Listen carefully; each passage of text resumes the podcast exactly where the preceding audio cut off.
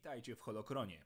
W dzisiejszym odcinku dowiecie się, czym jest szumnie zapowiadany przez Disneya okres zwany jako High Republic, czyli Wysoka Republika, i jakie nowości ze świata Gwiezdnych Wojen czekają na nas w tym nowym rozdziale budowania uniwersum.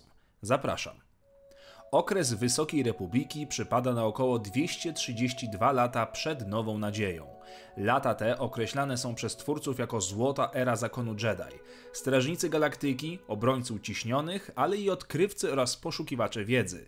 Ten okres to głównie poznawanie i odkrywanie nieznanych planet i całych systemów gwiezdnych w zewnętrznych rubieżach.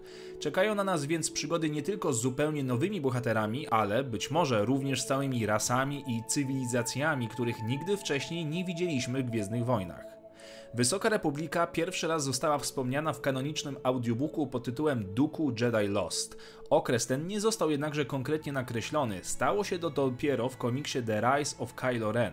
Część z bohaterów, których poznamy w nadchodzących nowelach i komiksach, pojawia się na łamach tego komiksu lub jest wspomniana, warto więc się z nim zapoznać w oczekiwaniu na pierwsze publikacje, które nastąpić mają z początkiem 2021 roku. Zapowiedziane publikacje to na chwilę obecną trzy książki. Kolejno Light of the Jedi autorstwa Charlesa Soula, która opowiadać ma o katastrofie w hiperprzestrzeni, której ofiarą padł statek, a jego odłamki zagrażają bezpieczeństwu całemu systemowi gwiezdnemu. Oczywiście w tle kryć się ma znacznie większe i mroczniejsze zagrożenie. Druga książka to A Test of Courage, nowela skierowana do młodszego czytelnika autorstwa Justina Irlanda. Jego książka przeniesie nas na pewien księżyc, na którym wylodować musiała grupa młodych Jedi. Komunikacja jest niedostępna, zapasy na wyczerpaniu, a w lesie czai się zło. Trzecia pozycja to nowela pod tytułem Into the Dark autorstwa Claudii Gray.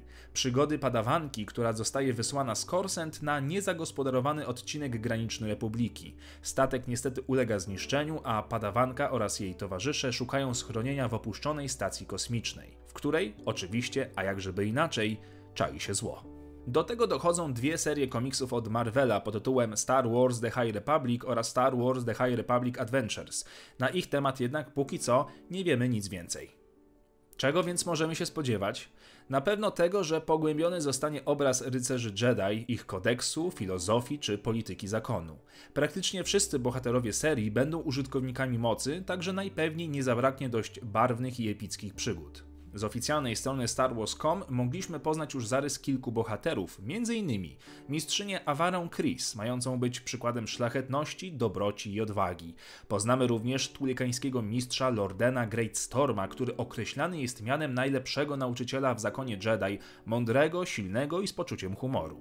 Kolejna postać to niejaka Keith Trenis, młoda i ognista rycerz Jedi, bystra, ale nieco impulsywna. Czekać ją będzie jednak długa nauka, gdyż w momencie, gdy ją poznajemy, dopiero co odebrała rycerski tytuł. Kolejny heros to Stellan Gios, optymistyczny i szanowany mistrz Jedi, który często trzyma się za warą Chris.